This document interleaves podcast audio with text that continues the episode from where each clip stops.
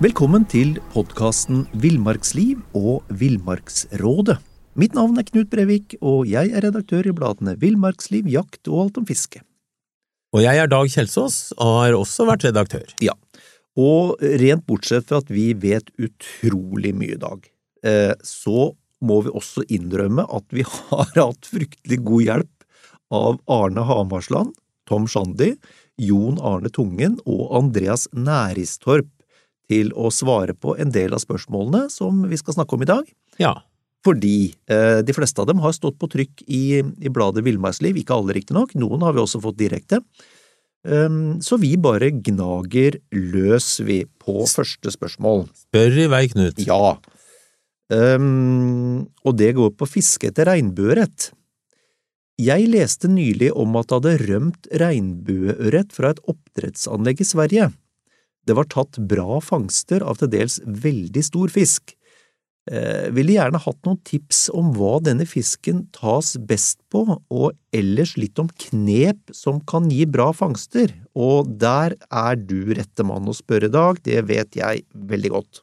Ja, det er faktisk eh, artig å fiske også rømt oppdrettsfisk. Ja, For den, eh, det, det er ikke noe småtteri vi snakker om. Det kan være Ja, jeg har fått regnbueørret på fire kilo, for eksempel, fra, Mm. som er rømt fra sånne anlegg. ja, Eh, så innimellom så kan det være ålreit å ta med seg noen som for eksempel ikke er vant til å få mye fisk, og som da har, virkelig har muligheten for å få prøvd seg. mm, mm. Eh, når det gjelder regnbueørreten, som for øvrig ikke er lov å sette ut i Norge, men i eh, Europa ellers og i Sverige så er det mye regnbueørret som settes ut, og det er oppdrettsanlegg, og det hender at de da rives i stykker, disse, disse merdene, sånn at vi kan drive sportsfiske.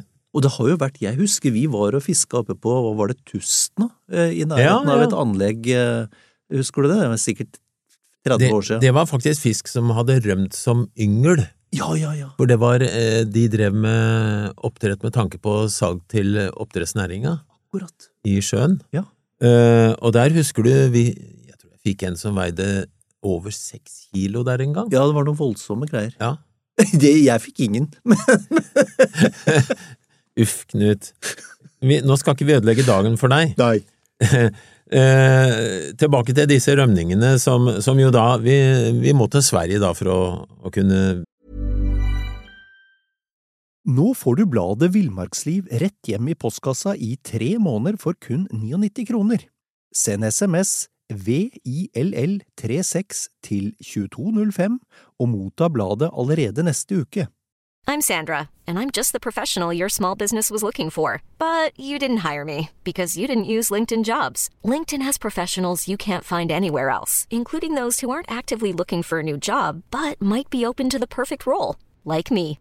In a given month, over 70% of LinkedIn users don't visit other leading job sites. So if you're not looking on LinkedIn, you'll miss out on great candidates like Sandra. Start hiring professionals like a professional. Post your free job on linkedin.com/achieve slash achieve today. drive sportsfiske etter de fiskene som har rømt. Ja.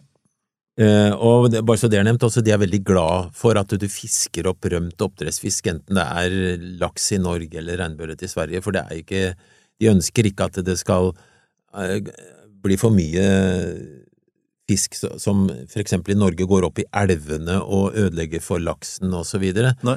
I Sverige så er det nok ikke riktig så viktig, for der slipper du jo regnbueørret, men, men uh, du er velkommen til å kjøpe fiskekort og fiske. Mm. Og hvis rømningene er av eldre dato, så, så er det ikke så enkelt, for da vil fisken spre seg. Men hvis, hvis skal vi si første halvåret etter at eh, de har rømt, Ja. så vil de ofte gå i stimer i nærheten av der de har rømt først, og så spre seg litt ut i, i vassdraget. Eh, og du, du fisker da på sommeren med vanlig sportsfiskeutstyr. Eh, om vinteren, når det er is, så, så pilker du.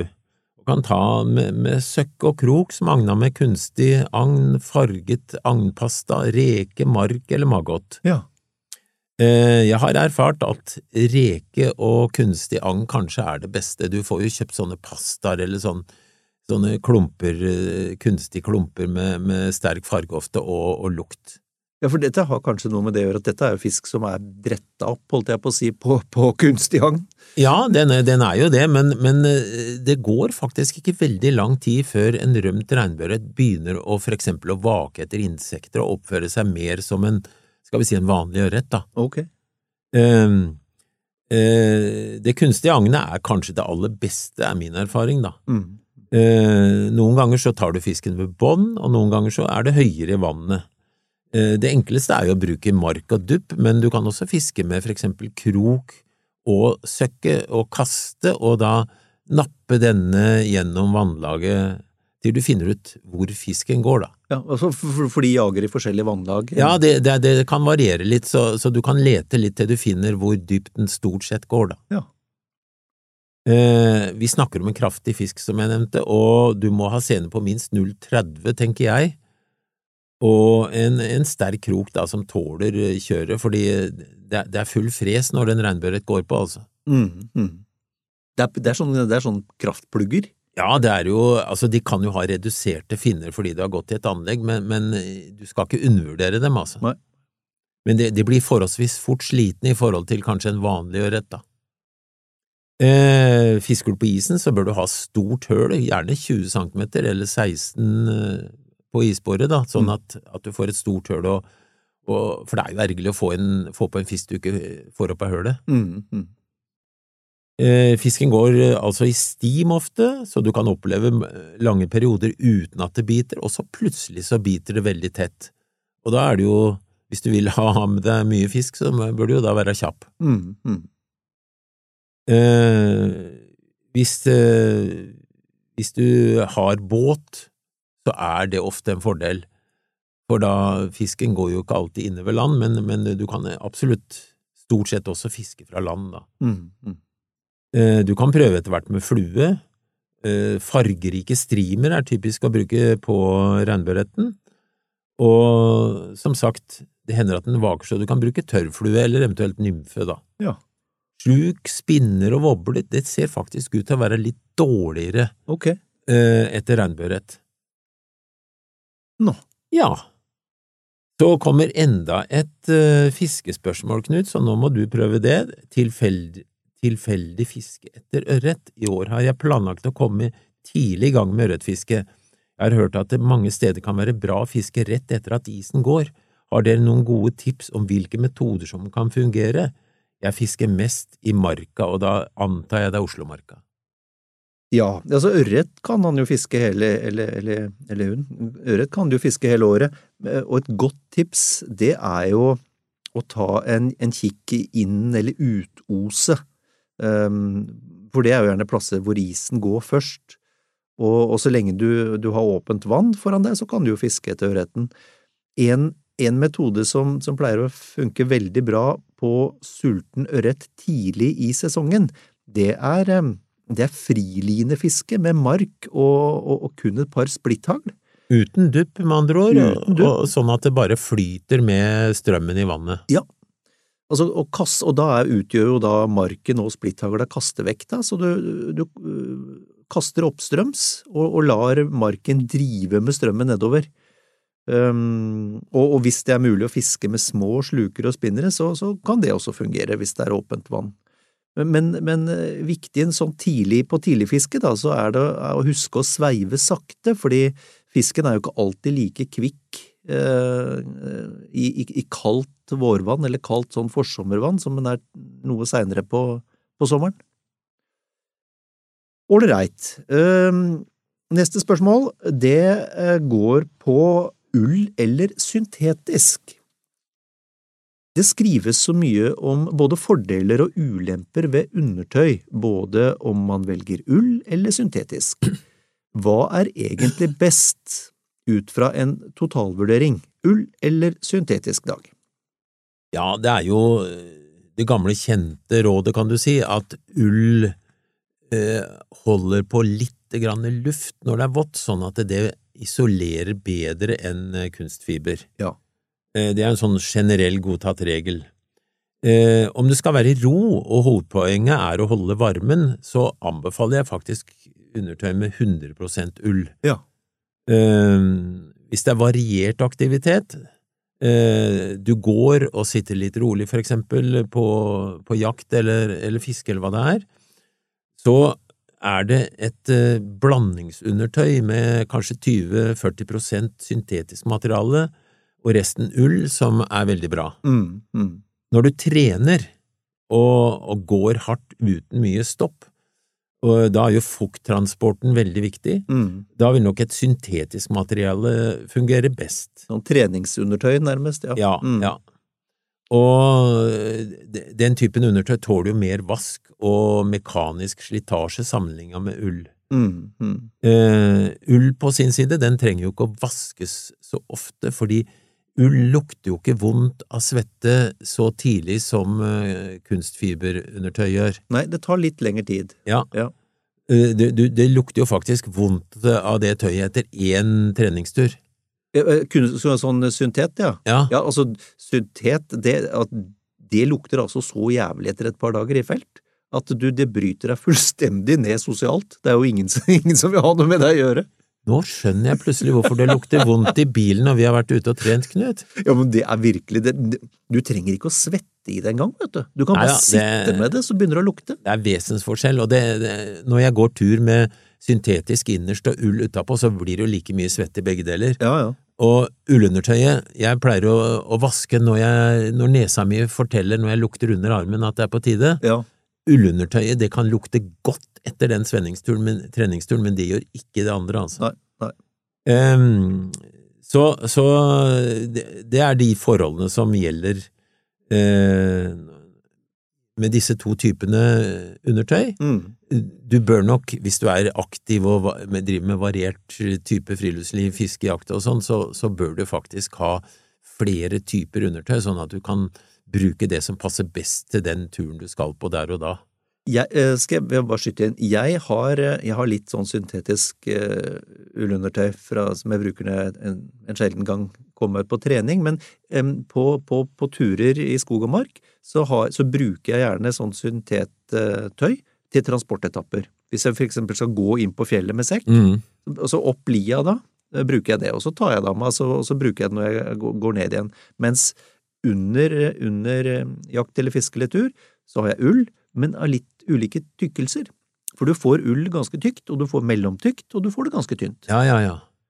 Ja, eh, jeg må innrømme det at jeg har noen skuffer med, med undertøy, og det, og det er mange trøyer og mange lange under som ligger der, fordi for det første skal du ha på mye når det er kaldt, og du skal variere, så det er veldig fint å ha variasjon på det her. Ja, ja. Og ikke minst, som du sier, å ha med seg tørt og, og ta på seg etter at du har svetta ut en, en god del og, og brukt av det syntetiske. Mm. Men vi skal over til noe du er veldig god på, Knut, og det har med våpen å gjøre. Ja, jeg, de kaller meg Våpenmannen. Våpen-Knut. Ja. Lyddemper og rust. Sist jeg var på skytebanen, kom det fram at jak jaktkompisene mine konsekvent tar lyddemperen av rifla når den ikke er i bruk. De påstår hardnakka at demperen medfører rust i løpet. Dette kan jeg ikke fatte at er noe problem, lyddemperen er jo kun en forlengelse av pipa laget i stål slik som rifleløpet. At det er nødvendig å skru den av og rense og smøre gjengene så disse ikke gror fast, det skjønner jeg, men ikke at selve demperen er et problem å ha på rifla. Hva sier du, Knut? Jo, det, altså, kompisen hans har helt rett. Um, altså, det stemmer at lyddemperen, eh, funksjonen til lyddemperen er som en forlengelse av løpet, og stort sett i samme materiale som løpet, eh, i, i stål. Men, men det er jo en forskjell, og det er at eh, lyddemperen har mye større innvendig diameter enn løpet, og det innvendige rommet, det er fylt opp med metallprofiler for å holde igjen gasstrykk og, og lydsmell.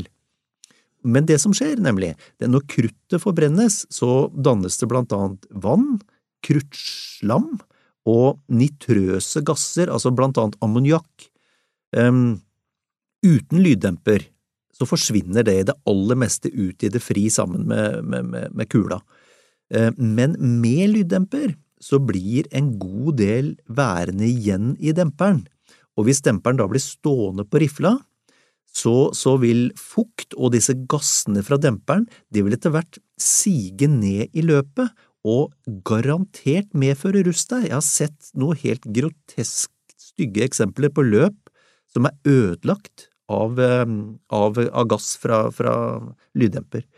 Så, så uh, her er et helt klart råd. Altså, jeg er veldig tilhenger av lyddemper, har brukt det i masse år. Uh, hadde, jeg ikke, hadde, jeg ikke, gjort det, så hadde jeg antagelig ikke hatt det lille jeg har igjen av hørsel. Fantastisk uh, oppfinnelse, lyddemperen, men ta den av våpenet når du er ferdig på skytebanen, og, og, og setter børsa i, våpenskapet. Da skal den av. Da reduserer du mengden fukt og skadelige gasser i, i det lukka rommet der våpenet står. Da. Så av med lyddemperen når du har vært på skytebanen. Det er, det er en klar, klar regel. Jeg må hjem, jeg kan ikke prate med må ta lyddemperen. Nei, jeg bare tøyser. Ålreit. Um, fra, fra, lyddemper så skal vi bevege oss over mot fjellsko, og spørsmålet lyder som følger. Jeg skal kjøpe meg nye fjellsko og lurer på om dere anbefaler å kjøpe med eller uten membran. Hører mange si at fjellsko med membran bare holder en liten stund før det går hull på denne, og vil da fungere dårligere enn en sko uten membran. Og da gir jeg ordet til eh, membranmannen, Nå får du bladet Villmarksliv rett hjem i postkassa i tre måneder for kun 99 kroner. I Villmarksliv kan du lese om norsk natur, ærlige tester av klær og utstyr, og mange gode turtips skrevet av erfarne friluftsfolk, fiskere og jegere. Send SMS VILL36 til 2205 og motta bladet allerede neste uke. Lev livet villere med bladet Villmarksliv. I'm Sandra, and I'm just the professional your small business was looking for. But you didn't hire me because you didn't use LinkedIn jobs. LinkedIn has professionals you can't find anywhere else, including those who aren't actively looking for a new job but might be open to the perfect role, like me. In a given month, over 70% of LinkedIn users don't visit other leading job sites. So if you're not looking on LinkedIn, you'll miss out on great candidates like Sandra. Start hiring professionals like a professional. Post your free job on linkedin.com slash achieve today. Ja, altså, jeg har nok også den erfaringen at eh, mem membransko er eh, veldig bra når de funker, men at de slites nok fortere enn en mange tenker over, kanskje i løpet av én sesong hvis, er, hvis, du bruker støvla mye. Det, nå har dette blitt litt bedre med åra. Eh, fordi man har blitt flinkere til å, å lage sko med membran. Men, men, det er klart, en, en sånn membran, den, den, blir det et høl på den, så, så drar jo vannet rett igjennom. Mm, mm. For membranen funker jo på den måten at den slipper damp ut, men ikke vanndråper inn.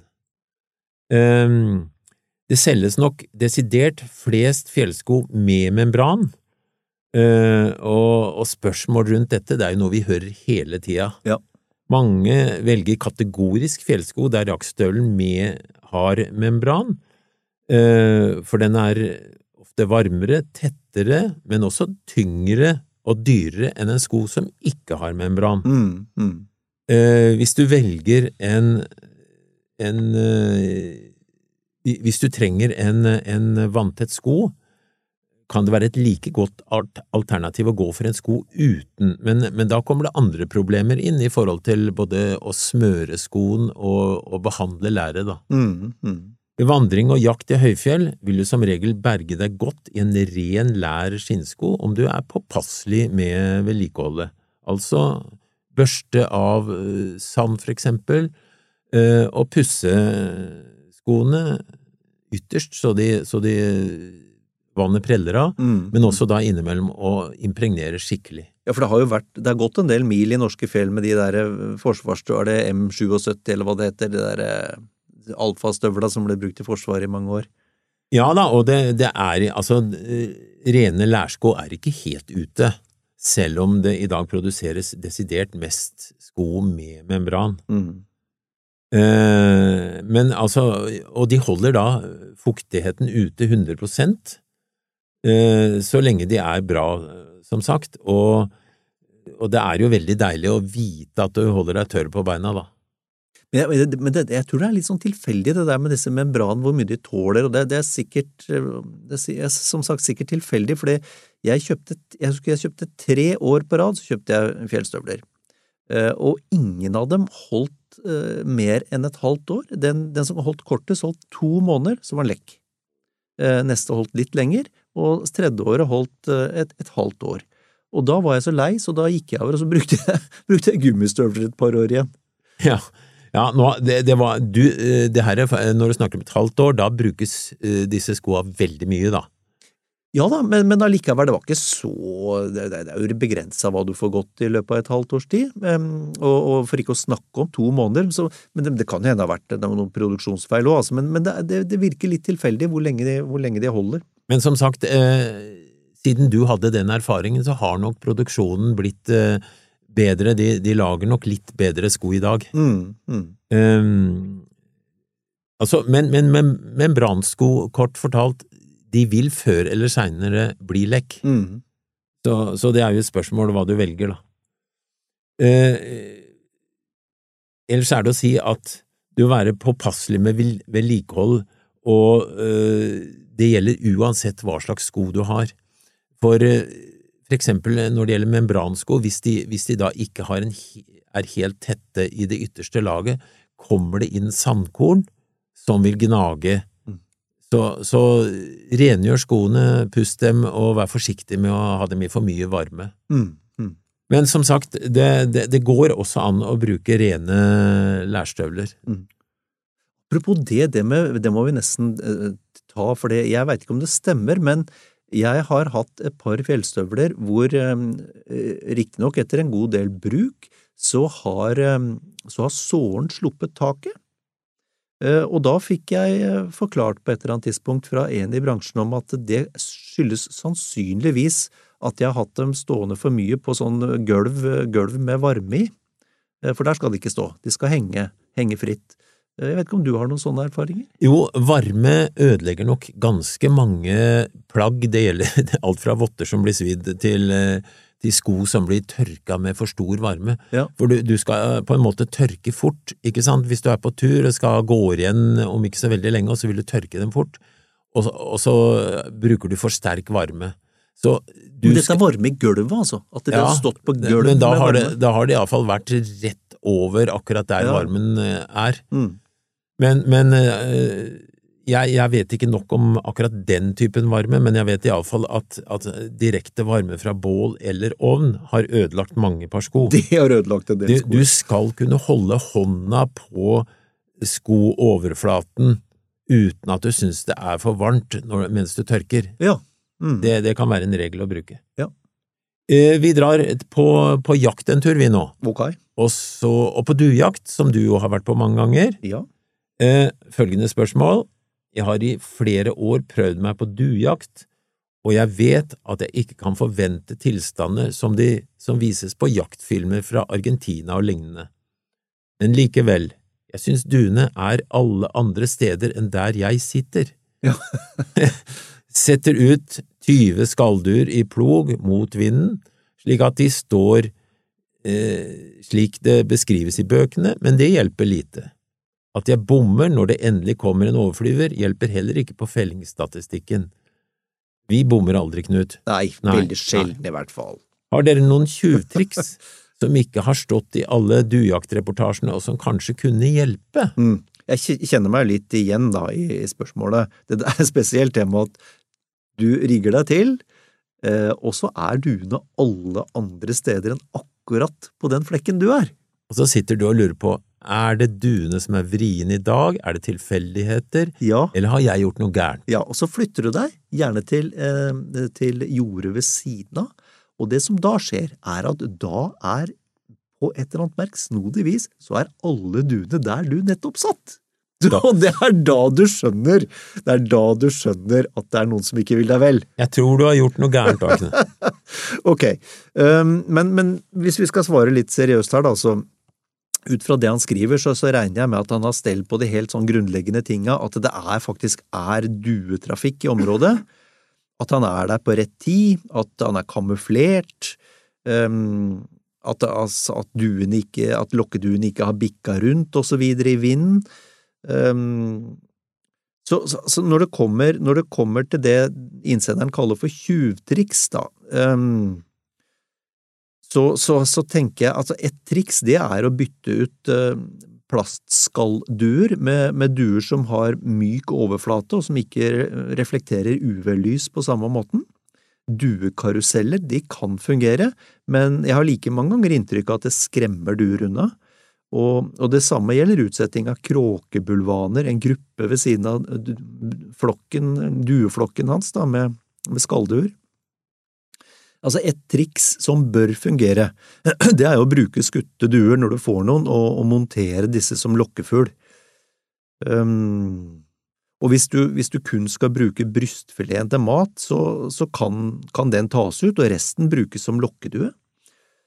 Men det er en ganske omfattende greie. Ja, jeg vil nok bare lagt ut Jeg ville nok bare lagt ut dua, tenker jeg. Når du har skutt den, så lagt den ut. Ja, og jeg, jeg tror en del av grunnen til at det går skeis, er at det holder med at én av lokkeduene, eller eventuelt de døde uh, skutteduene, ja. ligger skeivt eller feil. Ja. Det, ellers, eh, hvis det selvfølgelig er skutt ei due som ligger på ryggen bort på jordet på bortsida der, da er, det, da er det gjort. Ja, ja. Så veldig viktig at alle duene står rett og riktig eh, posisjonert, fordi husk at duene ser dette her ovenifra, ikke sant, og ja. da er det veldig fort gjort å se om noe er feil.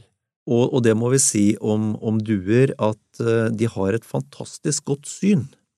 Og, og det, det, de i likhet med veldig, veldig mange andre dyr og fugler ser først, er bevegelse.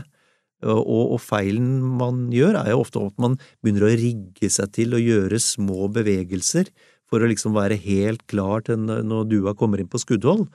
Um, men det er ofte nok, altså. Mm. Det, det, ser dem. Ja, ja, ja. Du må sitte dryppe, du må sitte eh, kamuflert, eh, og sitte dryppe stille og ikke røre deg før du faktisk har tenkt å skyte. Det er nok også en veldig vanlig bommert jegere gjør, ja. Ålreit. Fra fra duejakt og til sirkelkrok. Um, jeg har hørt at det er noe som heter sirkelkrok. Sjekket litt på nettet og så at den har innoverbøyd krokspiss. Når brukes sirkelkrok, og hvorfor, Dag?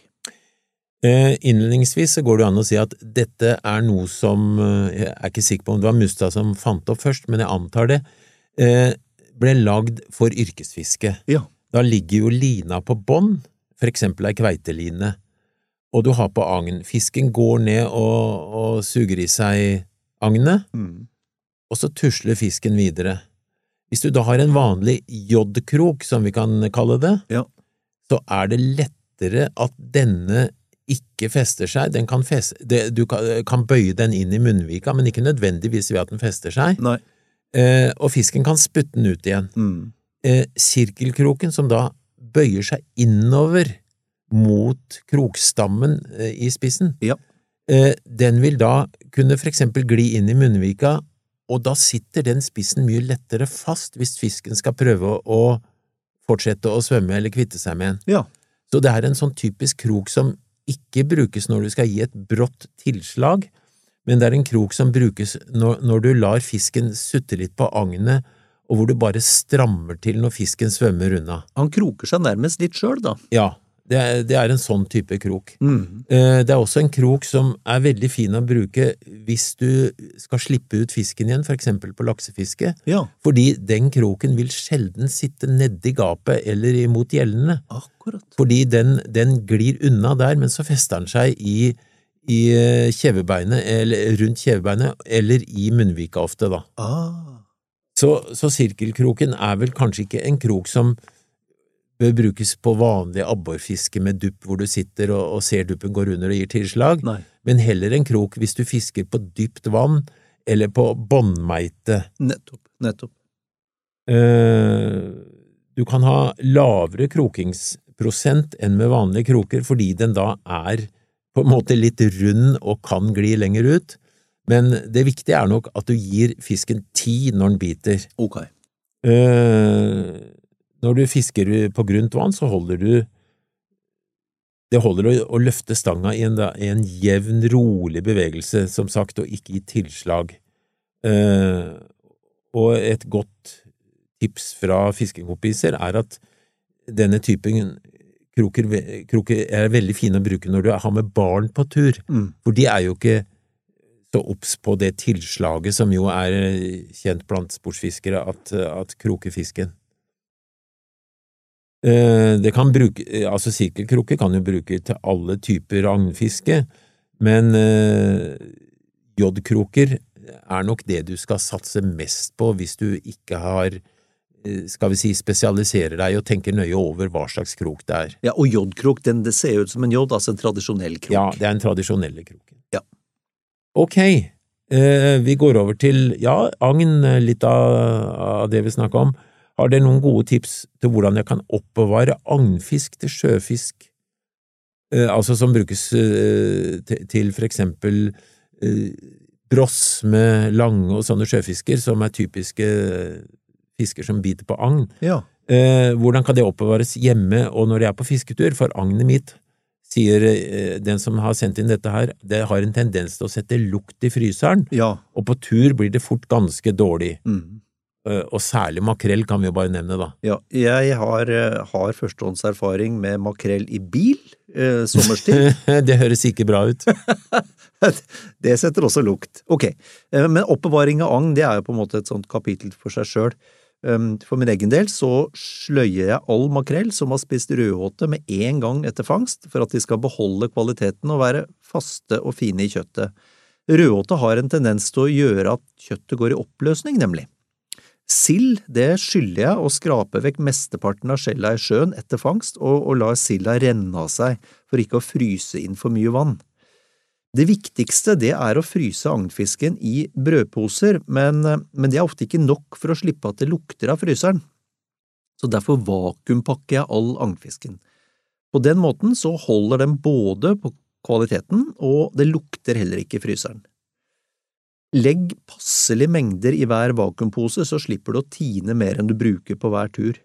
Og når du er på fisketur, så lønner det seg alltid å ha agnet i en kjølebag eller en bærepose sammen med noen flasker som du gjerne har fryst inn med vann på forhånd, da. Akkurat det er et veldig bra tips, fordi eh, hvis du har halvannen liters flaske som klemmer litt sammen når du fyller vannet, for det utvider seg når det fryser, Ja. Og den holder ganske lenge på, på kjøligheten fordi det tar tid å smelte det. ja. Så som på tur så er altså hovedtipset sørg for at, eh, for, for, sørg for at agnet er nedkjørt. Og da lurer jeg egentlig på, jeg, Dag, om, eh, om vi er ved veis ende denne uka, og bare skal ønske, ønske folk en riktig god uke. Det gjør vi absolutt.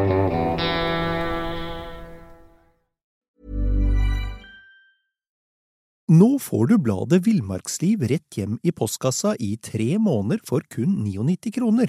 I Villmarksliv kan du lese om norsk natur, ærlige tester av klær og utstyr, og mange gode turtips skrevet av erfarne friluftsfolk, fiskere og jegere. Send SMS VILL36 til 2205 og motta bladet allerede neste uke. Lev livet villere med bladet Villmarksliv. Planning for your next trip?